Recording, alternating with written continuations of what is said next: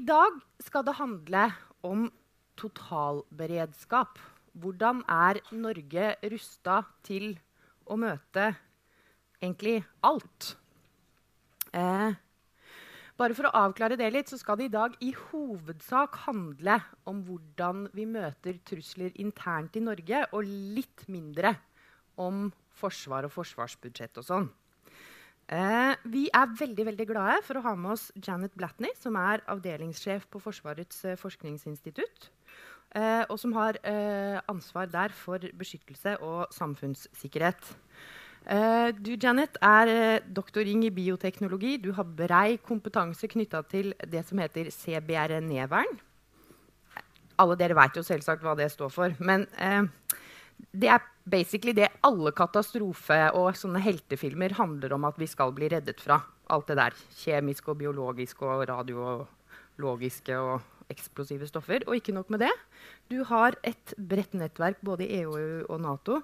Du har etablert mange mange samarbeidsprosjekter som handler om dette her. Og du har sagt ganske nylig vi står ovenfor en ny æra av trusler og endringer i global sikkerhet som påvirker både sivilsamfunnet og nasjonale forsvar.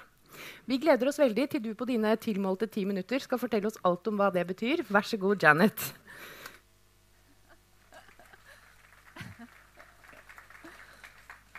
Eh, tusen takk, Kaja. Eh, takk for at eh, jeg får lov til å innlede denne debatten. Eh, jeg har fått tilmålt tid på ca. ti minutter. Um, og jeg skal snakke litt om trusler og ikke minst forskning og behov for kunnskap. Vi møter stadig nye trusler og utfordringer som kan virkelig påvirke vårt samfunn. Og poenget er at Vi må forstå disse truslene, vi må forstå utfordringene, vi må forstå konsekvensene, vi må forstå sårbarheten. Og det må vi gjøre gjennom en kunnskapsbasert tilnærming. Der hvor vitenskap og teknologi er nødvendig for å finne innsikt og løsninger. Dagens trusselbilde er altfor komplisert til at man kan la dette bli håndtert nødvendigvis av én sektor, én eier og et fagmiljø. Vi må forstå fremtiden, fremtidens trusler, vi må forstå samfunnsutviklingen, men vi må heller ikke glemme eh, det som har skjedd. Det er først når beredskapsapparatet har blitt utfordret, at vi finner ut om vi har en evne til å håndtere situasjonen. Nye tiltak er blitt uh, innført etter 22.07, men som, samtidig har samfunnet hatt en utvikling. Altså, vi står overfor utfordringer som kan være i gråsonen mellom det vi snakker om, som er samfunnssikkerhet og statssikkerhet. Og det er her hvor dette totalforsvaret og sivilt-militært samarbeid kommer inn. Vi snakker i dag om å utvikle beredskap i hele krisespekteret. Samfunnet har vært og er gjennom en sikkerhetspolitisk endring og ikke minst en rivende teknologiutvikling. Vi har konkurranseutsetting av samfunnsfunksjoner. Vi har en globalisering av vare- og tjenesteleveranser. Vi har private eierstrukturer som kan virke komplekse. Vi har kontroll og eierskap som settes ut til utlandet, som gjør at uh, vi kan bli mer sårbare. Utviklingen har ført til at samfunnet er blitt mye mer avhengig av avansert teknologi, og det igjen medfører at vi kan bli sårbare. Truslene som vi står overfor i dag, er mye mer sammensatte, og håndteringen krever mye mer samarbeid på tvers av sektorer. Med andre ord samfunnets tverrsektorielle avhengigheter de øker. Og da er det slik at med så mange avhengigheter så er det heller ikke mulig å se på effekten av ett scenario eller én hendelse uten å se på sårbarheter hos flere sektorer samtidig. Altså, vi må evne til å jobbe med disse komplekse utfordringene. Og vi må ikke skyve de fra oss fordi vi tror at de er for vanskelig å løse. Beredskap er ressurskrevende og hendelsesstyrt. Og noen ganger er beredskapsarbeidet usynlig, men det er ekstremt synlig når denne hendelsen først skjer. Beredskapsarbeid krever kunnskap, og det krever samarbeid. Så er det sånn da, å prøve å se inn i fremtiden, så er det Når vi prøver å jobbe med sikkerhet i dag, så er det jo med de systemene som er i dag. Men det er ikke sikkert at det er de som gjelder om 20-30 år fremover. Det er blitt sagt at regjeringen vil sørge for et bredere eh, og et bedre kunnskapsgrunnlag for politikkutforming og forvaltning ved aktiv bruk av forskning på samfunnssikkerhetsfeltet. Gode løsninger innen beredskap og samfunnssikkerhet krever ofte en tverrfaglig tilnærming, inkludert samfunnsvitenskap og teknologi. Den tverrfaglige tilnærmingen den stiller dermed krav til forskningsvirksomheten. Det holder ikke lenger å finne løsninger innenfor ett kunnskapsmiljø. Altså Forskningen må bidra til å løse de utfordringene vi ser i samfunnet. og Det betyr at det stilles krav til at forskningen skal danne faktabasert kunnskapsgrunnlag for beslutningstakerne. Det må være helst langsiktig, og den må gjøres sammen med de brukerne for å finne de beste løsningene. Med andre ord, Vi må omsette kunnskapen, vi må omsette forskningen, slik at myndighetene kan utnytte de resultatene på best mulig måte. Trusler og utfordringer gjør oss sårbare. og For å forstå disse sårbarhetene så må vi forstå utfordringene og hendelsene som vi kan møte, og samfunnsutviklingen. Så er det sånn at Samfunnet utfordres med ulike og nye virkemidler. Hybride trusler og angrep utnytter svakheter i sektorprinsipper. Og det kan være vanskeligere å oppdage og varsle om mulige trusler i tide. Vi snakker også om klimaendringer som kan gi nye sykdommer. Vi har ekstremvær som kan føre til bortfall av strøm og elektronisk kommunikasjon. Vi har følgehendelser som industriutlykker, vi har hendelser med farlige stoffer, vi har pandemier osv. osv. Men når det gjelder terrorisme og sabotasje, så kan det skje i hele krisespekteret. Og da er det slik at Terrorgrupper kan få tilgang på eller utvikle virkemidler som kan måle seg med militære våpen, og som krever et tett samarbeid mellom forsvar og det sivile beredskapsapparatet for at vi skal håndtere sånne typer situasjoner. Og ikke minst teknologiutviklingen. Det kan føre til utvikling av nye virkemidler og våpen. Det er ikke bare forskerne som er kunnskapsrike, det er også terroristene. Og de kan være godt utdannet. Vi ser det er mer avansert terrorisme. Vi ser det er bruk av sosiale medier. Vi ser improviserte eksplosiver. Vi ser en seleksjon i sine mål. Vi ser droner. Vi ser bruk av disse til overvåkning. Vi ser bruk av disse til leveringsmidler. Vi ser utslipp av giftige kjemikalier. Vi ser at bomber kan inneholde noe mer. Med andre ord, Vi har trolig ikke sett det siste virkemidlet fra terroristene. og Derfor er det så ekstremt viktig at vi forstår trendene og utviklingsbildet. Noen eksempler på virkemidler for å gjøre dagen hyggelig. Bruk av bedøvende midler, forgiftninger, kunnskap om nye giftstoffer og ikke minst bioteknologiens rivende utvikling for å ha muligheten for å skape nye mikroorganismer. Og så har vi den nye utfordringen med cyberangrep, som da kan ødelegge og ta over kontrollen av informasjon og prosesser. Men det hjelper ekstremt lite å ha gode systemer som ikke kan tas over hvis du da har en utro tjener. Med andre ord, Hvordan skal vi beskytte oss mot disse nye truslene? Hvordan skal vårt beredskapsapparat være samtidig som den er kosteffektiv? Skal helst eh, ikke koste så mye penger.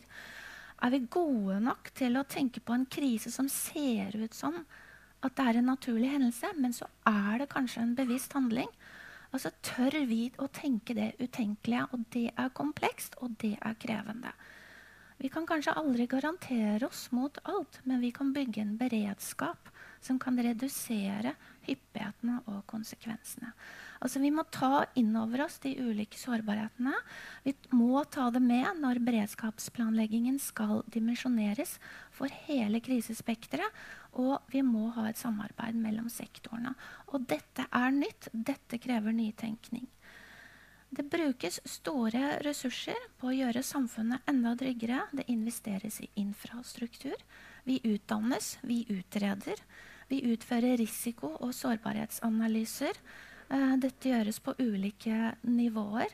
Men da er spørsmålet mitt viljen til å sette inn ressurser som har vært til stede, har det gitt forventet effekt?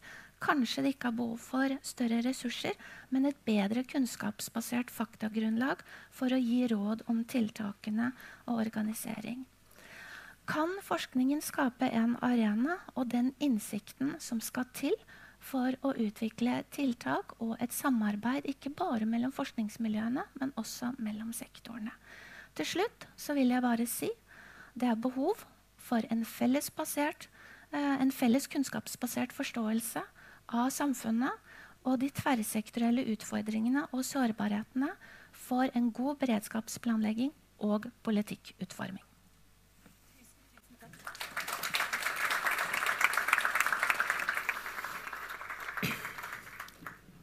Tusen, tusen takk. Jeg kjenner at jeg ikke helt beroliget ennå, så det er bra vi skal holde på eh, litt til. Eh, da skal jeg få lov til å gi ordet til eh, Are Thomaskar, LO-sekretær. Han er medlem av fagpolitisk utvalg i Forsvaret og leder for Landsrådet for Heimevernet. Og han skal eh, fortelle bitte lite grann om eh, det prosjektet som heter Forsvarslinjer. Som er, eh, er fagbevegelsens totalberedskapsprosjekt. Vær så god, Are. Tusen takk, eh, Kaja. Jeg skal starte med å prøve å tegne opp fem bilder. Nå har også FFI vært inne på, på det. Men det første bildet det er jo den militære utfordringen, den dimensjonen. altså Annekteringen av Krim, atommakter som rasler med sablene. Det vi, det vi ser i forhold til opprustning i våre naboland i øst. Det er det første bildet. Det andre bildet det så vi senest nå i Barcelona forrige uke. Vi har sett i europeiske byer sted etter sted. Terror. Vi har vårt eget traume med 22.07.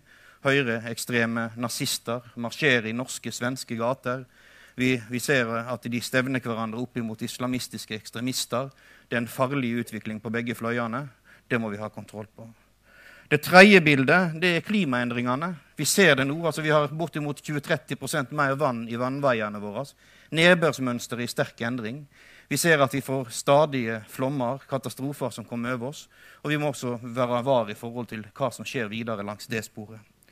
Det fjerde bildet det er befolkningspopulasjonen. Den er i vekst. Den øker. Vi var inne på det med, med epidemier, panepidemier eh, og den biten. Men det er også slik at vi blir mer mobile. Vi flytter oss mer.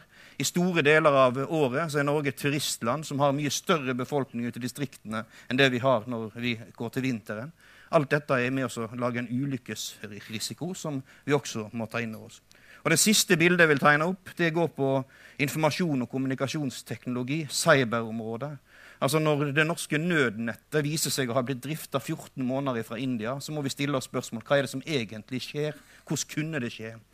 Hva, hva kontroll har vi egentlig over det som er innsatsfaktorene våre i forhold til alle de bildene som jeg nå har beskrevet?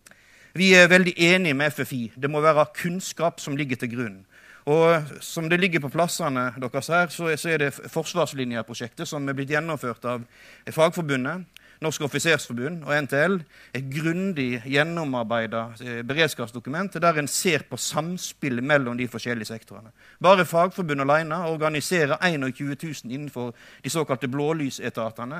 Og det er klart at Vi er opptatt av at ressursene skal finne hverandre hvis hendelsene, altså det utenkelige, plutselig slår inn over oss i et av de bildene som er blitt beskrevet.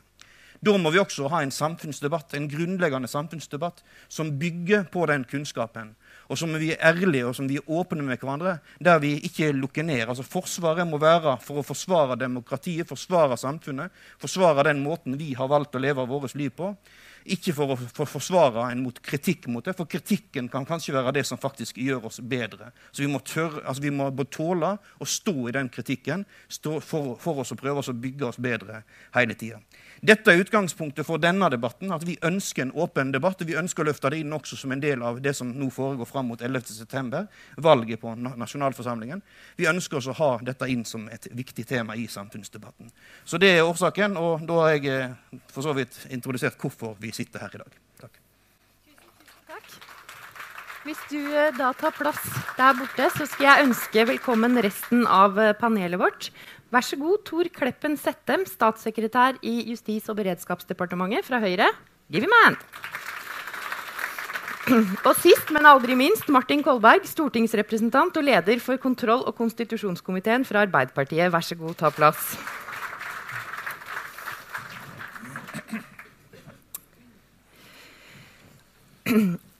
Jeg tenkte at jeg skulle begynne på et uh, ganske dystert sted, egentlig. Det er eh, seks år siden Utøya og bomben i Oslo sentrum. Og det er fem år siden Gjørv-kommisjonen leverte sin eh, ganske knusende rapport, egentlig.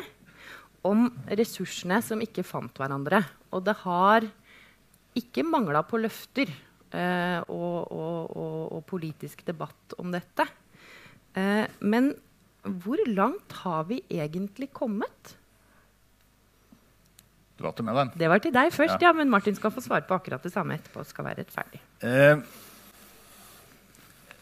det der er egentlig ganske komplisert tematikk. For det vil si at vi har kommet ganske langt på mange måter.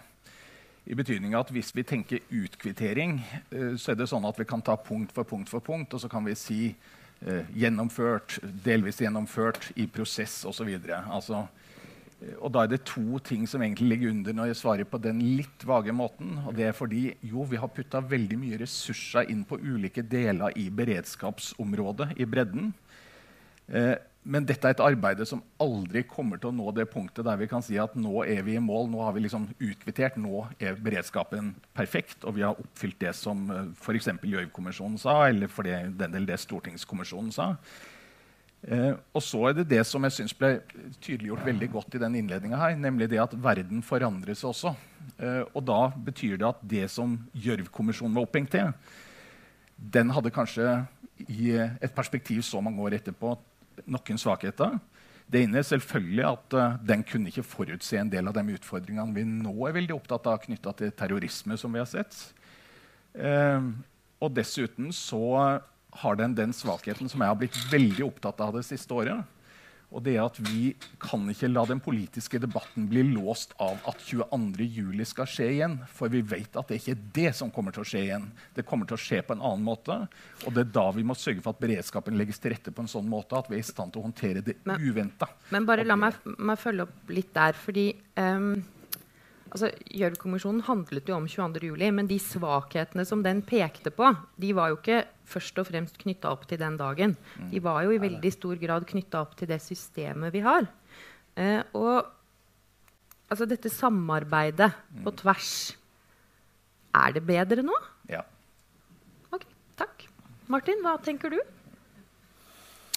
Ja, øh, Først vil jeg si, uh, som det ble sagt her, at uh, dette er et veldig komplisert og veldig sammensatt område. Og Det er kanskje overraskende for noen her, men jeg vil si at vårt totale inntrykk er jo at beredskapen er blitt bedre. det skal være sagt. men så er det også det å si at hvis man ser på dette i det politiske perspektiv, da, et lite øyeblikk, og ikke bare faglig, kan du si det sånn, så er det jo slik at dette må ses på bakgrunn av det som Erna Solberg og eh, som opposisjonsleder eh, kjørte som kritikk mot Stoltenberg-regjeringen og Arbeiderpartiet ved forrige stortingsvalg. Nemlig at her var det om å gjøre å sette i gang handlekraft. Og jeg har jo, som eh, store deler av forsamlingen vel vet, erfaring fra gang, ganske mange sektorer i politikken etter hvert. Og jeg vil si, som egentlig ble påpekt fra FFI her, en åpenbart stort problem. Det er nemlig samordning. Det er sikkert der og blitt bedre, men der har vi veldig lang vei å gå. Det er altfor mange eh, profesjonsinteresser. Det er altfor lite samordning. Og når vi nå i kontrollkomiteen hadde ansvaret for å kontrollere hva som hadde skjedd i forbindelse med objektsikringen, så var jo nettopp det som trådde fram som et stort problem. Og det å greie å lage et system hvor de forskjellige kreftene finner hverandre, som Gjørv-kommisjonen sa, det er et sentral oppgave for framtida. La oss bare si det sånn. Dessuten da å klare å bruke forskningen, forstå dette komplekse bildet, vil også bli en stor politisk oppgave. Så vil jeg bare si at det er jo helt åpenbart at vi har store problemer fortsatt. Og eh, dette skal jo ikke direkte være et sånn valgkampmøte knyttet til alle disse tingene. Men det som jo har skjedd, det er jo at regjeringen har ikke fått på plass beredskapssenteret. De har ikke fått på plass helikoptrene. De har ikke gitt politiet de ressursene som politiet trenger. Og særlig gjelder det politidistriktene. Og politidistriktene og reformen forutsatte jo, som du vet, at man skulle ha god effektivitet i distriktene. Der har man skjøvet på utgiftene på en slik måte at politiet i dag ikke, slik de selv ønsker, er i stand til å gjøre jobben sin på en ordentlig måte. Og det er jo overlatt da til eventuelt en ny regjering å håndtere. Og dette må da tas videre. Og så har du samarbeidet mellom politi og forsvar. Som eh, er, jeg sier det her, et veldig slitsomt punkt. Ja. Jeg har vært statssekretær i Forsvarsdepartementet, jeg har vært stabssjef i regjeringen. Jeg vet hvor slitsomt det der er. Og det er det å få de to institusjonene til å samarbeide, skjønne at de er i samme båt, er en stor utfordring. Ja. Det er tatt noen skritt der nå i retning av at uh, forsvaret, politiet lettere skal kunne rek Forsvaret. Men allikevel er det stor kompetansestrid mellom Forsvaret og politiet. Og det må vi selvfølgelig ta knekken på. Ja, for Kan jeg få stille et spørsmål der? fordi Du skal få svare, selvfølgelig. Uh, men for ikke så veldig lenge siden så, så leste jeg nyheten. Hurra! Vi har nettopp fått en direktetelefon mellom Forsvars- og Justisdepartementet. Og da tenkte jeg å, oh, shit! Er det, det, det, Hurra for det. Men mm, ja. hva, hvordan blir det sånn at det er en gladnyhet i 2017? Var det et spørsmål, det? Ja. Det er derfor det var 'hvordan' først og opp på slutten. Ja, så vidt meg bekjent er det mange telefonlinjer den veien, så, så, jeg vet ikke hvilken ene telefon det i så fall er snakk om. Den var direkte. Ja, jeg, jeg får telefoner direkte fra forsvarsministeren i ny og ne også. Så den linja den eh, går i alle retninger. holdt jeg på å si. Men, Nei, men jeg lurer men, på dette med sektor og samarbeid og hvorfor men, det er så vanskelig. Men altså, Det Kolberg drar opp, er to element. Uh, og det er da jeg sitter alltid med den der litt følelsen av at når vi er i den politiske debatten, så blir det litt sånn et bilde av at ah, der har vi et punkt der vi er i mål. Jeg kunne selvfølgelig svart opp Kolberg med å poengtere 3 milliarder i realvekst for politiet 1878 flere ansatte i politiet. Eh, politireformen, som jo nettopp har til hensikt å sørge for å få politikraften ut og sørge for at den ikke forsvinner i, i, byråkrati og system. Og sånn kunne vi sitte og kjøre ball frem og tilbake på, på hvem er det som byr mest. Eh, dette er ganske kompliserte ting. Men samarbeidet mellom politiet og Forsvaret, så kan jeg ikke annet enn basere meg på følgende. nemlig Jeg satt for bare noen måneder siden med forsvarssjefen og politidirektøren rett ved siden av meg. På det nivået så sier de vi har et godt og tillitsfullt samarbeid. Vi stoler på hverandre. For noen dager siden så satt jeg på Forsvarets operative hovedkvarter i Bodø med politiet og Forsvaret rundt bordet. De bekrefter at de opplever samarbeidet som tillitsfullt og godt. Jeg har snakka med mange av landets politimestere om hvordan de opplever samarbeidet. De kan finne noen eksempler på litt sånn i det praktiske at det kan være uenighet om hvorvidt det er riktig å bruke ressursen sånn og sånn, men det er tillitsfullt og godt samarbeid. Eh, og det er da jeg må innrømme at det bildet det stemmer ikke helt overens med det bildet som vi hører litt i den politiske debatten, av at det er et veldig sånn mistillit og mistro. Eh, det som jeg opplever er den store utfordringa, Eh, og som sies både fra folk i politiet og fra folk i Forsvaret, som jeg har med om det, det er at vi nok ikke har tatt inn over oss at utfordringa kommer til å bli litt annerledes enn vi er vant til å tenke. Altså, det kommer ikke til å bli synlig at nå er det en forsvarsoppgave, nå er det en politioppgave. Men det er rett og slett den typen hendelser der det blir uklart hva er det vi nå står overfor, og der kanskje en fiende som egentlig har en militær intensjon, bruker ja, sivile eh, midler som ser ut som kriminalitet i første omgang. Og det å klare å forutse og takle den typen situasjoner, det er det som kommer til å bli veldig krevende.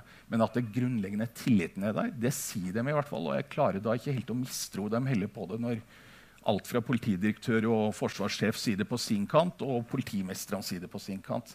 Så det kommer til å være vanskeligheter, men at det er et tillitsforhold der, det er det ingen tvil om i mine øyne. Are, vær så god. Ja, nei, jeg vil bare gå, gå, litt tilbake igjen i forhold til Gjørv, i forhold til det med samarbeid eh, mellom de forskjellige eh, sektorene. I, i, i punkt nummer seks i Gjørv-kommisjonen slår en fast at uh, det bør utvikles en nasjonal objektsikringsplan der en bør avklare hvem som eier objektene, altså om det er politi, om det er forsvar eller om det er sivile eiere.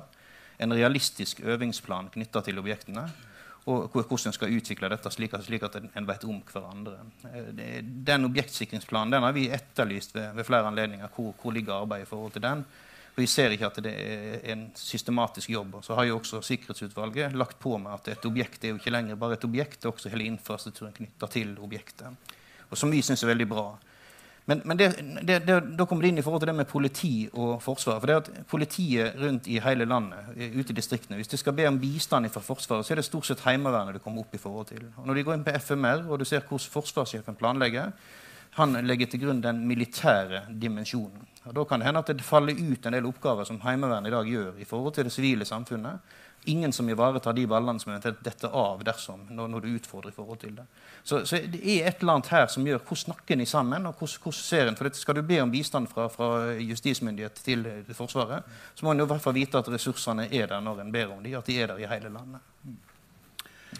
Ja, jeg vil ta opp en dimensjon i forhold til hva som blir sagt her. Og, det, øh, og i den sammenheng er dette, dette møtet eller denne samtalen her øh, viktig. Fordi det som er en forutsetning for å klare dette med noen forbehold, det er at denne samtalen foregår i stor åpenhet, og at samfunnet er godt informert. Og Det problemet vi har hatt, og som jo tillegger meg i betydelig grad, er jo at regjeringen har nektet åpenhetsdiskusjon om realitetene rundt situasjonen slik den er i dag. Dere kjenner til dette fra, fra Stortinget. Det vil jeg si er en meget alvorlig og meget beklagelig situasjon. Meget alvorlig og meget beklagelig situasjon. For det kan være riktig uten at jeg skal gå inn på den hemmelige rapporten. Det skal jeg holde meg klart unna. Men når det sies at det er tillitsfylt samarbeid på toppen, så har vi altså en riksrevisjonsrapport som i den offentlige delen, som begrunnes i den hemmelige delen, sier at verken Forsvaret eller politiet hver for seg eller sammen kan sikre de viktigste objektene som angår folks faktiske sikkerhet i hverdagen. Og det har Stortingets flertall sluttet seg til med bakgrunn i disse rapportene. Og det er veldig alvorlig, selvfølgelig. For hva er objekter? Man prøver å skape inntrykk av at det liksom er Slottet og Stortinget. Det er ikke det. Det er kraftforsyning. Det er vannforsyningen. Det er hele IKT-sektoren. Det er medisin, som forskningens uh, uh, FFI forteller oss her. Det er det som er objektene. Og seks år etter at Gjørv sa at det var, som Are sier her, det mest sentrale, så får vi en slik riksrevisjonsrapport som regjeringen nekter offentlig debatt om. Det er veldig alvorlig for sikkerheten. Det mener jeg det er veldig klandreverdig. Uh, uten at det skal spille politisk mynt på det, så er det veldig klandreverdig. For uten, jo, men, ut, men, det, men det er det du gjør nå? Ja, men jeg gjør jo det. Men jeg må jo si det til deg. Fordi det, det, er mange ting i forhold til det du sier, som jeg kunne kommentert konkret. Fordi du vet at jeg sitter med masse kunnskap om samarbeidet. For det som jeg kan si, uten at jeg går for langt, det er at jo, de sier på toppen, politidirektøren og forsvarssjefen har jo sagt til Stortinget i høring at dette er helt utmerket. Men hvis du går ned og ser på hvordan samarbeidet er der det er realiteter, så er situasjonen ofte en helt annen. Og det er iallfall er det slik å si at vi har lang vei å gå på det området. Men, men, men Martin Kolberg, altså, da leder du meg inn i fordi, For det første, jeg vil aldri komme til å sitte her og si at uh, objektsikring er på plass. Kryss ut.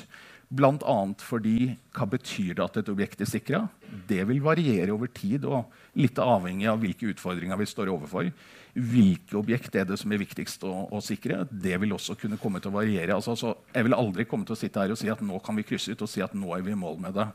Har det vært ting som ikke har vært bra nok i det arbeidet? Ja, helt klart. Er vi 100% i mål? Nei, det er vi ikke.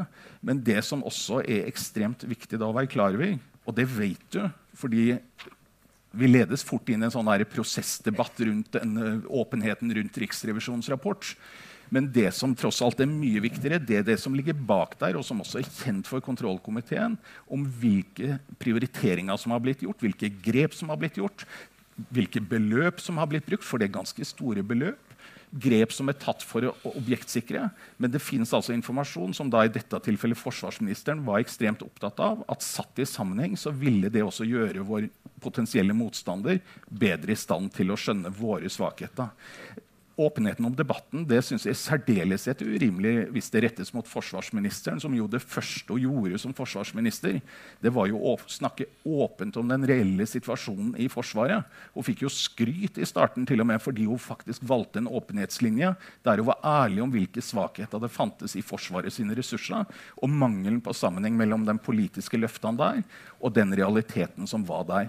Og at det er en åpenhetsdebatt rundt det, det skal det være, men jeg syns det blir for snevert å si at objektsikringsdebatten rundt Riksrevisjonens rapport det svarer på om vi har åpenhet eller ei. Mm. Den debatten er jeg, mye større. Ja, og jeg vil gjerne dra dere litt, litt videre i den debatten. Fordi altså hvis vi ser på, på vår, vår, nære historie Du skal ikke lenger tilbake enn da jeg var en uh, ung voksen. Ikke en voksen-voksen som nå.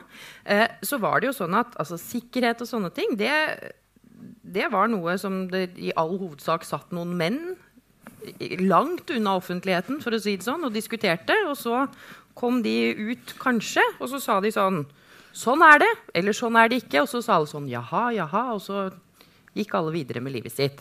Du mener ikke sånn som oss nå? Ja, kanskje. De trenger ikke å gå inn på det. Men, eh, men, men ikke sant? Altså, det var jo en personlig nedtur for meg. Jeg var den ja. eneste som stilte med slips her i dag. Da jeg tenkte liksom, nå møter jeg Martin Kolberg i dag. Jo, da skal jeg ha på meg slips, tenkte jeg. Men så sånn, kommer han ungdommelig. vet du. Sånn forholdt demokratiet vårt seg til sikkerhet for, sant, for 20 år siden. Eh, og det er klart at den situasjonen er helt annerledes nå. Og litt uavhengig av eh, altså, i hvilken grad dine ministre er flinke eller ikke til å, til å ha en åpen debatt, eh, har vi som samfunn og, eh, og dere som, som, deler av et, et, felles politisk system tatt inn over dere muligheten for å spre informasjon, muligheten for å spre misinformasjon hvis man holder ting hemmelig. Altså, du har popper jo opp i de underligste og ubehagelig nære steder konspirasjonsteorier. Og ikke minst behovet for, når man skal gjøre så store For dette er jo store ting, dyre ting, viktige ting som vi skal prioritere foran andre ting. Behovet for legitimitet rundt det. Det lurer jeg på. Uh, for det første, legitimiteten den kommer jo nettopp rundt at det er en debatt og en bevissthet. Så at det er et fundament, det er helt klart. Er debatten da god nok? Uh, nei, jeg syns ikke det er nok debatt rundt det. Og heller syns jeg ikke at debatten er god nok i den forstand at det blir veldig ofte litt sånn Nå snakker vi der, og så høres det ut som at har vi bare gjort det, så har vi beredskapen på plass.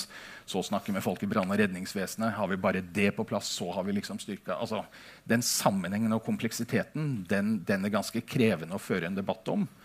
Uh, men i hvert fall, det har da skjedd noe bare i løpet av de to-tre siste årene som gjør at debatten i hvert fall har kommet i gang på en bedre måte innad i det politiske miljøet.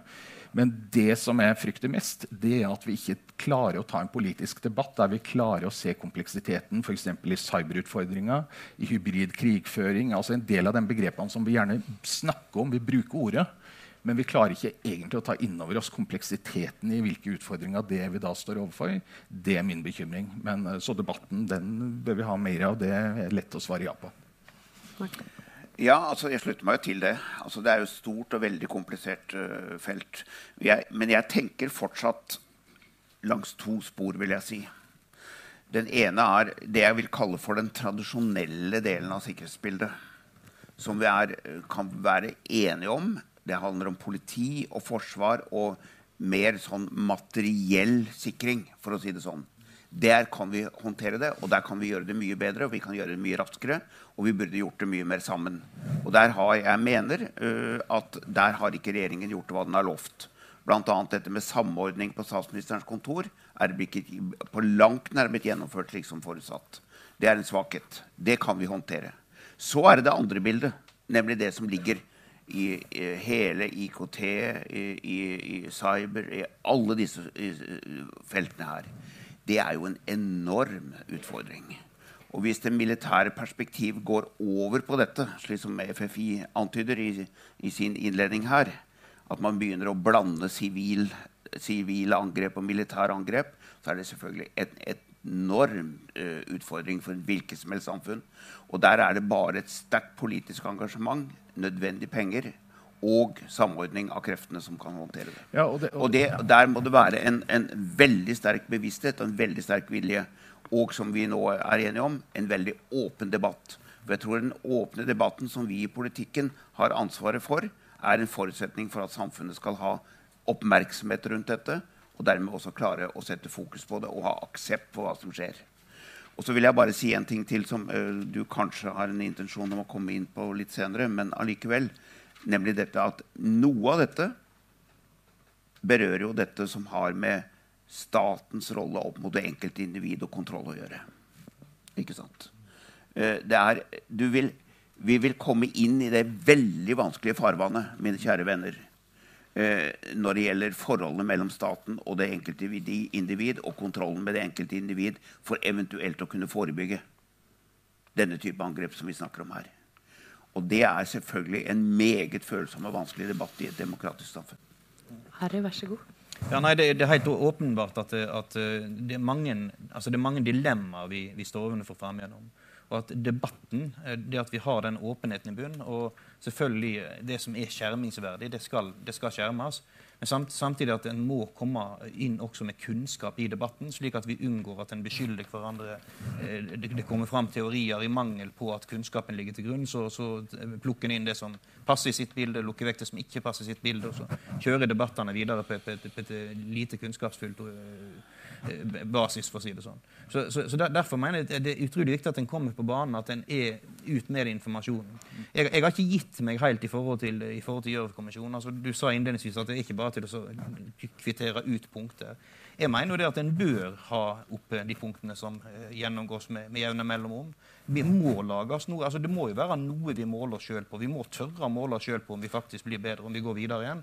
Og Da bør en i hvert fall, i hvert fall kvittere ut og så si hvis det er slik at noe ikke er relevant lenger, ja vel, så får en ta ut at det er ikke relevant lenger. Så får en forklare hvorfor det ikke er relevant lenger. Ikke bare la det ligge igjen som en grå masse. Ja, la, la, la, meg bare sånn at jeg ikke blir misforstått på det. for Vi kan godt etterpå gå bort og se på den lista jeg har, for jeg har lista med meg over, ja, over punktene og hvor status er på dem ulike. Så, så, for all del, det er ingenting som legges bort i den forstand, men det prøvde bare få frem var kompleksiteten at verden endres, og det gjør at det kanskje også er en del element som er på utsida av dem det som gjør men, men, det er ikke bare verden som endres. Det, det, er også, det er også ting, forutsetninger endres. Sant? Altså, ja, ja. Si, Stortingets LTP, langtidsplanen, den har bl.a. gjelder heimevernssoldater satt et mål på 45 000 tidligere, altså fram til 2016.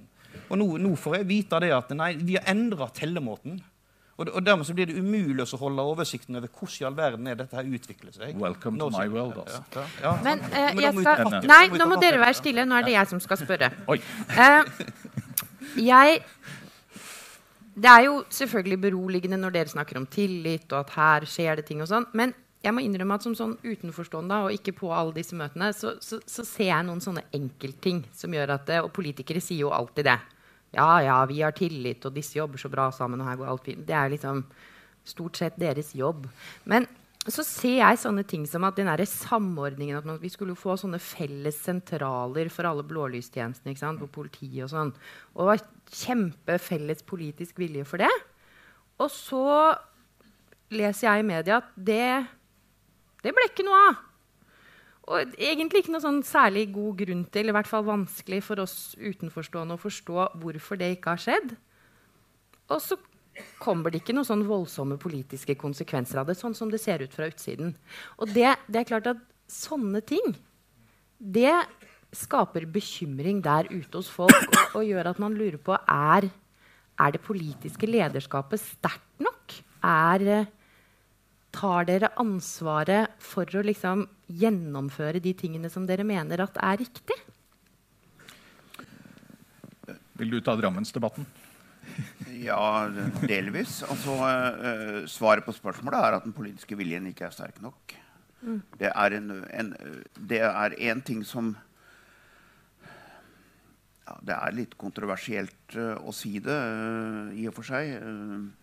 Fordi at det handler også om Arbeiderpartiet. Men, men jeg vil si at Jo, jo men hør. hør. Dette. Vi må slutte, alle sammen, å overlate gjennomføringen av viktige reformer også på samfunnssikkerhet til byråkratiene. For når byråkratiene, f.eks. politiet og Politidirektoratet, får så vide fullmakter fra Stortinget, så skal jeg ikke si at de ikke gjør sitt beste, for det er urik uriktig å si. Men jeg vil si at de ofte legger til grunn andre preferanser enn det som er faktisk innom inne.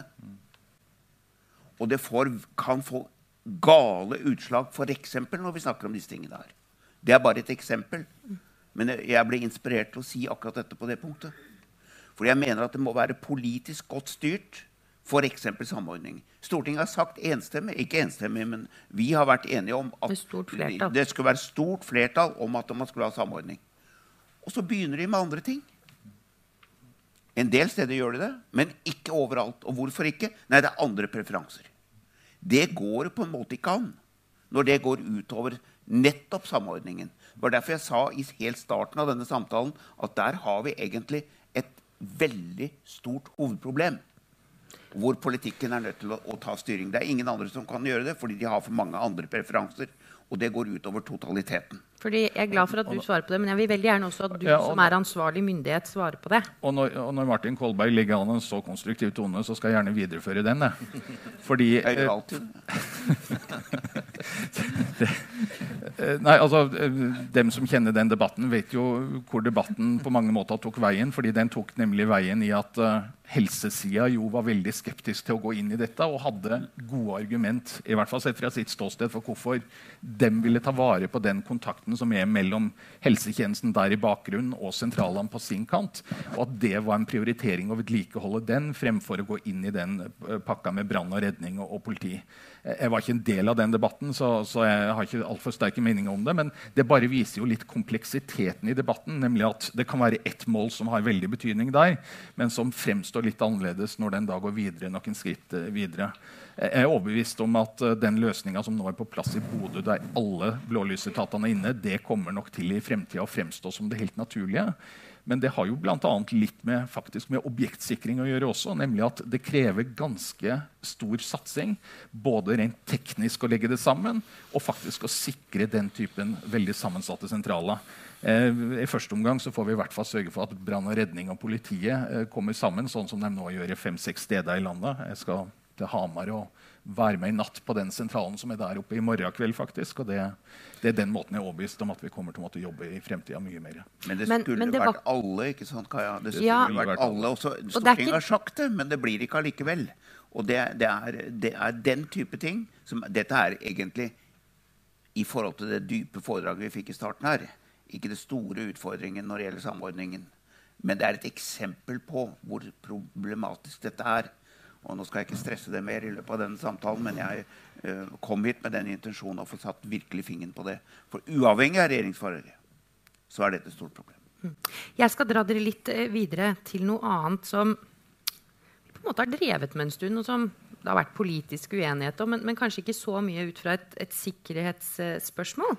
Eh, I Sverige så, så, har vi jo nylig sett at to ministre faktisk har måttet gå av i saker som handler om at man ikke har tatt vare på dataene man har om, om befolkningen sin. At man har eh, sluppet altfor mange for tett på, eh, på data, dataene som staten sitter på. Eh, og vi har jo eh, flere eksempler på, på, lignende ting fra Norge. Det ble nevnt innledningsvis her, dette nødnettet som har vært driftet eh, fra India i 14 måneder. Eh. Ja, bare korriger, fordi det ble sagt i sted, men altså, da snakker vi om at det var en tilgang på en liten del av nødnettet i ja. en periode. bare sånn for jeg tydelig på det. Og det er jo kjempefint. Nå høres det ut som at alt ble kjørt fra India, og det er heldigvis ikke tilfellet. Nei, det, det er vi jo alle glad for. Men, men, men, la meg bare Svakhet uansett. Definitivt en svakhet. Uh, og, uh, og vi har jo hatt, vi har hatt noen andre også. I i Helse-Norge så har vi hatt en del saker hvor det er sånn at det fins en masse folk, også delvis utenfor Norges grenser, som har tilgang på ting de ikke skulle hatt. Eh, slipper vi for mange tett på med det systemet vi, vi, nå har med privatisering og konkurranseutsetting og sånn. Og uavhengig av hva man måtte mene om det i andre sektorer, men i disse liksom, kjernesektorene. Sette. Ja. Og det, og det i den forstand at det er en kultur og en bevissthet som er altfor dårlig på hvilke risikoer det innebærer. Og en altfor dårlig evne til å følge opp det ansvaret på altfor mange områder. Det har vi sett eksempler på i Norge, der, eh, der det ansvaret som hviler på en, en ja, etat eller en virksomhet, eh, det ansvaret er en ikke så bevisst nok. Eh, men, men, dette er også litt mer komplisert, fordi det er veldig dramatisk hvis det er sånn at vi svekker faktisk vår egen nasjonale kontroll over viktige beredskapsressurser. Det er dramatisk. Det kan vi ikke akseptere. Men så, la meg gi et eksempel. da. Nødnett, som alle etatene jeg snakker med, enten det er politiet, helse, brann eh, eller for den del Røde Kors og andre som er på, litt på, i ytterkanten av det, snakker veldig flott om hvor bra Nødnett nå er. Altså, det har vært et løft for Beredskaps-Norge å få Nødnett på plass. Men så sitter vi da og jobber med eh, hva er veien videre? Jo, fremtidens Nødnett. Det må vi jo begynne å utvikle i dag. det som skal være der om ti år. Og Da innebærer det bl.a. å ha muligheten til å bruke datakommunikasjon på en annen måte enn det vi er vant til å tenke på i dag. Uh, bildeutveksling eh, og annen type informasjon. Uh, og Da er problemet at satser vi da utelukkende på at her skal staten sitte og utvikle helt på egen kjøl, så lager vi fort et veldig statisk prosjekt som ikke kommer til å være dynamisk når verden rundt oss endrer seg. Og hvordan i all verden klarer vi da å sikre både den kontrollen og oversikta som det offentlige Norge, staten, må ha på den typen beredskapsressurser, samtidig som vi tar i bruk markedets evne til hele tida å komme opp med nye løsninger? For Ellers så risikerer vi at vi utvikler en offentlig løsning som blir hengende der, mens det markedet du og jeg som privatpersoner benytter oss av, går videre og finner nye løsninger, nye tekniske løsninger og faktisk nye tilbud som, som, vi ikke tenkte på i dag, men som om ti år kommer til å være en selvfølge. Så den, Det der er et vanvittig dilemma i å greie å utnytte det som kommer der i markedet, og det at vi faktisk må ha den sikkerheten på plass. Dette er komplekst, men uh, ja, det skal ikke være tvil om at den typen ting må det offentlige Norge ha full kontroll på. Så du, bare, så du mener at vi har, altså, vi har konkurranseutsatt i på disse områdene for mye at vi har vært for slepphendte med å slippe eksterne aktører inn? Ja, altså Slepphendt i betydning at det ansvaret som man har, har man ikke hatt et bevisst nok forhold til å følge opp. og det har vi jo, I Sverige har vi jo sett det enda mer groteskt enn det vi har sett i Norge. Altså Det som er knytta til nødnett. Ja, det får vi noe inderlig håpe. Det må jeg være enig i. Men, men la oss, eh, liksom nødnettsproblematikken den er sånn sett veldig avgrensa mot det. Men ja, bevisstheten den har ikke vært god nok. Og det handler om kultur rundt sikkerhet. Og det er ganske komplekst å utvikle kultur. Er du enig i det, Martin? Ja. Det, dette er jeg egentlig uh, ganske enig i. Men så vil jeg legge til at det er en annen kultur da, som er en utfordring. Og det er jo at de avsløringene vi har hatt i Norge på dette feltet, det kommer fra mediene. Systemet oppdager det ikke selv. Og det er eh, selvfølgelig igjen veldig alvorlig at systemet ikke har evne til å se at her er det i ferd med å gå galt.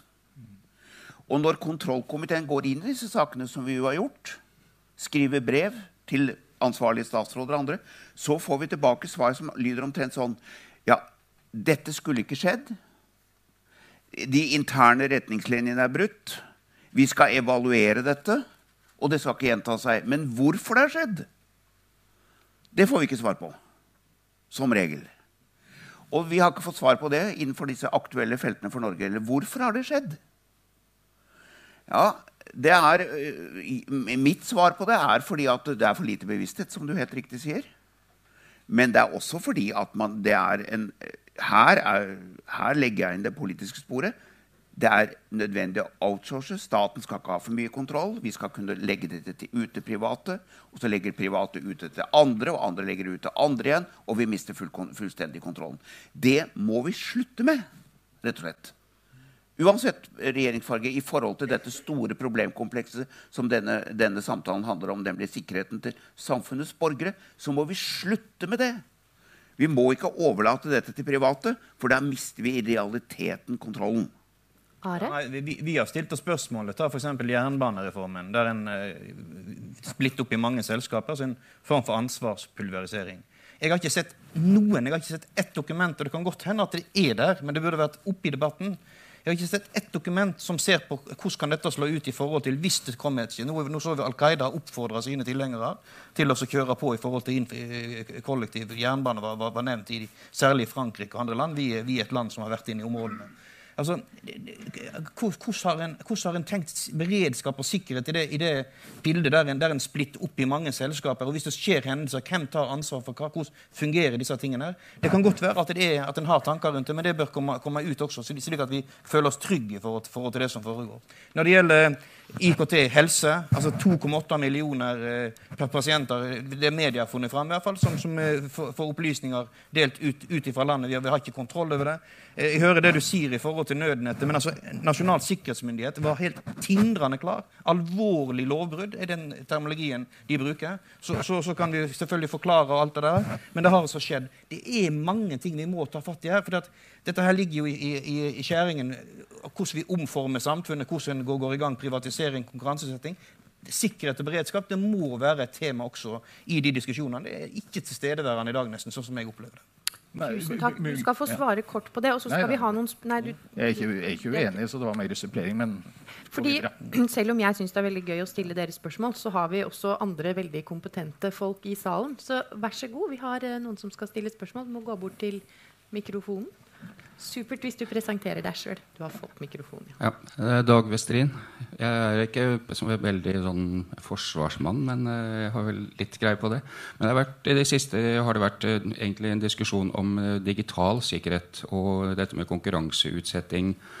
Og jeg hørte jo nå at Setem sa at de var opptatt av at det var dårlig kultur som gjorde at dette er. Men har ikke da det å konkurranseutsette i seg sjøl Skaper ikke det større muligheter for større usikkerhet i forhold til det med digital sikring. Jeg har også lyst til å nevne jeg har vært en tur rundt nå i forbindelse med jobben i Nord-Norge og ser jo at mange steder så privatiserer man det som er støttefunksjoner i Forsvaret. Vil ikke det også være med på å svekke den totale sikkerheten når man legger ut dette til private firmaer? Når man konkurranseutsetter, så gjør man jo ikke det for ever. Man gjør det for kortere perioder. Og da må man jo gjennom mange prosedyrer for Vil ikke det også svekke den uh, totale sikkerheten som vi er opptatt av? Uh, sånn, i, i, det store perspektivet. Da tenker jeg både på digitalt og det å privatisere støttefunksjoner i Forsvaret. Men, men jeg føler på en måte at jeg allerede var litt inne på å svare på den problematikken. fordi det er en balansegang der en skal ha kontrollen på de fundamentale elementene. Og da, Det er da jeg bruker ordet kultur på det, i betydning av at eh, det handler faktisk om en bevissthet hos dem som sitter med ansvaret på hvordan en da holder på den kontrollen. Men vi må samtidig, og dette ser vi kanskje veldig godt på det digitale området, vi må faktisk også sørge for at det offentlige, enten det heter Forsvaret eller politiet eller andre, faktisk også kan ta del i den utviklinga som skjer, for den skjer så raskt. Og vi kan ikke ha et politi for eksempel, som har et digitale løsninger som er forma for 19, 2005, når vi går inn i 2020-tallet. Altså Den utviklinga skjer så raskt. Forventningene til det å møte politiet digitalt er så store. Og det kan ikke politiet alene utvikle på egen kjøl uten å dra nytte av det som skjer i, rett og slett i markedet, det som du og jeg som privatpersoner også nyter godt av. Og det å finne den balansegangen og ha tydelighet nok på ansvaret og ryddigheten og sikkerheten, samtidig som utnytte den utviklingsmulighetene som ligger der, det er den balansegangen som er vanskelig. Og, ja, og jeg, kan, kan jeg bare, ja. Det lurer jeg helt oppriktig på. Um, altså, Én ting er på en måte å kjøpe inn systemer og sånn. Det, altså, det er, jo, er, jo, alltid mulig. Men det er vel forskjell på systemer og drifting, på en måte? Eller? Ja, definitivt. Men, men for å dra, dra, problematikken litt videre, så, så, er det jo også sånn at veldig mye av det som ikke kjøpes inn, men det som faktisk skjer i det private altså På IKT-området så er det jo veldig mange private aktører som også er sårbare. Og de kommer da til både å være en sikkerhetsutfordring i betydninga ikke fordi det offentlige kjøper tjenestene, men fordi det er en viktig samfunnsstruktur som drives på privat side. Det må også gå inn i det sikkerhetsperspektivet som det offentlige faktisk må ha et øye på. Altså, det er en kompleksitet også den veien som, som gjør at vi eh, altså, Vi kommer aldri til å komme fri fra, fra den utfordringa som ligger i at vi faktisk vi må ha det totalforsvarstilnærminga til det. Altså At hele samfunnet er en del av den sårbarheten som staten også kan bli ramma av. Kort Martin, og så skal vi ha et spørsmål til. Ja, altså Jeg, jeg sa det i stad, men jeg gjentar det. Altså Dette siste resonnementet er jeg enig i at det er veldig sammensatt. Og Det er ikke mulig å tenke seg at det offentlige skal utvikle alt moderne og fremtidsrettet teknologi på egen hånd, uavhengig av hva som skjer i markedet. Det, det går ikke an å mene. Men det vi kan gjøre, det er mye bedre enn vi gjør i dag. Det er det jeg vil si. Vi må slutte å sette ut driften av det. Må ha, loven må følges. Og vi må sørge for at vi så langt i hele tatt er mulig, må vi ha kontroll med, disse, med, med denne delen av samfunnet. Sikkerheten. Og det er der det jo har svikta, for mentaliteten har vært at det, nei, dette er greit, vi kan uh, outsource det. Og så til spørsmålet, uh, til han som stilte spørsmålet. Jeg vil, jeg vil si vi har det samme altså, Innenfor Forsvaret det er jo, Nå trekker jeg litt på smilebåndet. Altså. De, de, setter ut vask, vask, vaskinga. vet du. Og så får de store problemer, for de som kommer inn for de nye selskapene, de er jo ikke sikkerhetsklarert. Stopper liksom prosessen opp, og så sier de ja, nå har vi fått et svært problem. Ja, det er klart det. Men hvorfor driver vi med sånt, da? Altså, Det er ikke nødvendig, men det er en politisk ideologi som ligger bak det og som skal liksom øh, gjøre Forsvaret veldig rent og, og, skikkelig, men skal ikke være en total, totalitet og en del av øh, samfunnet. Og da blir det også et sikkerhetsproblem. Det vil jeg påstå. Takk. Da skal vi få et spørsmål til. Ja, Christian Nellemann fra FNs samarbeidssenter Dripto. Som FFI eh, var inne på, så møter vi også en rekke ukonvensjonelle trusler. Vi har sett en kraftig økning i terrorangrep og en kraftig økning i øh, russiske innflytelseskampanjer mot Norge, mot Europa mot USA. Øh, Stortinget har vedtatt stortingsmelding 37 om globale sikkerhetsutfordringer med en bevilgning øh, på 200 millioner kroner. Men foreløpig ingenting har skjedd. Mitt spørsmål til dere to er hva øh, vil dere gjøre dersom dere er i neste regjering i forhold til det vedtatt som faktisk er gjort? Dere får ikke svare riktig enda. Vi skal ha ett siste spørsmål her på første benk. Torben Bango, leder i Norges offisersforbund. Skal man ha en god beredskap, må man ha en idé om hva man har beredskap mot. Eh, vi fikk i 2013 eller 2014 en samla trusselvurdering fra PST og E-tjenesten. Etter det så ble det slutt på det. Vi har Jeg har ikke lest den, i hvert fall. Vi har ikke fått i løpet av denne stortingsperioden en samla vurdering av hvilke trusler samfunnet står overfor. Vi har anbefalt det overfor Stortinget, vi har anbefalt det overfor, overfor regjeringa. Hvorfor har ikke man fulgt det opp? Og vil dere to som politikere faktisk ta initiativ til at vi får en samla trusselvurdering for sikkerheten? Det er for øvrig krav nummer to i den blekka som alle sammen Altså du, du er på PST og E-tjenesten sine trusselvurderinger? Det òg, men også en samla sikkerhetsvurdering, samla trusselvurdering for alt som truer samfunnssikkerheten. Så at vi kan ha en klar idé om hva vi skal ha beredskap mot. Takk. Nå skal dere få svare. I, tur. I hvert fall på dem to så lages det også en samordna trusselvurdering. altså en samordna mellom den som PST og E-tjenesten har. Og den er det jo åpenhet rundt. Det er jo faktisk, det er jo ikke bare litt av poenget, det er hele poenget med det. faktisk, Å få den ut i åpenheten. Så, ja, du må gjerne svare kort på forrige spørsmål også. Ja, jeg, ja, altså Var det et IKT-spørsmål i generell form, eller var det spesifikt? Jeg må innrømme at jeg er litt usikker på hvordan jeg skulle tolke det. Ja. Ja. Ja, og da kan liksom mitt svar være å si at uh, det satses ressurser gjennom politisporet, det satses ressurser gjennom NSM-sporet osv. på å styrke IKT-kompetansen. Og den store utfordringa er selvfølgelig å sørge for en samordning av de ressursene vi har. Og det er den delen av jobben som jeg nå i øyeblikket er mest opptatt av. Nemlig at vi har så mange ressurser som hver for seg er ganske små, som vi må sørge for å få samla i et samarbeid som er tettere. Det er den jobben som jeg er opptatt av på, på det området i øyeblikket. Martin, da skal du få det siste minuttet. Ja, altså Jeg vil svare veldig positivt på det som Offisersforbundet uh, spør etter. Det er klart at det, det, er jo, det skal vi være enige om at dette er en kontinuerlig prosess. Dette er noe som foregår hele tiden. Og uh, det vil være nødvendig med nye utredninger, nye, nye, meninger, nye holdninger absolutt hele tiden, for utfordringer forandrer seg. Uh, men ja til det spørsmålet du reiser. Det vil være helt nødvendig å gjøre det. Til det andre spørsmålet vil jeg si det er mange tiltak som blir nevnt her, som er uh, greie å slutte seg til. Men mitt mantra knyttet til dette det er at det må skapes en stor samfunnsbevissthet rundt muligheten for at dette kan faktisk skje. Det er, det er mitt svar på det. Og der har vi et stort ansvar, vi som er i politikken, til nemlig å, å uh, både sørge for at det er nok ressurser som kan uh, motvirke påvirkningskampanjer, som kan motvirke angrep. F.eks. sånn som jeg hørte på NRK igjen i dag, dette muligheten for at man kan påvirke valgresultatene. faktisk. Uh, det tror jeg ikke skal være så stor mulighet for i Norge, men det er i hvert fall en mulighet for det. Som vi har sett i USA og andre steder. i hvert fall en stor debatt. Og da er det nødvendig at vi er på plass og har en stor åpenhet rundt disse tingene, det tror jeg er faktisk det viktigste virkemidlet som vi kan sette inn.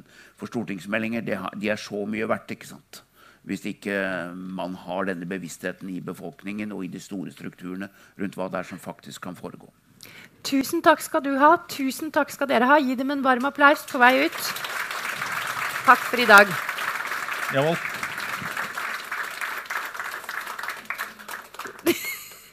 Hei, har du fått gi Kaja en blomst også. Ja, men tusen Du har ikke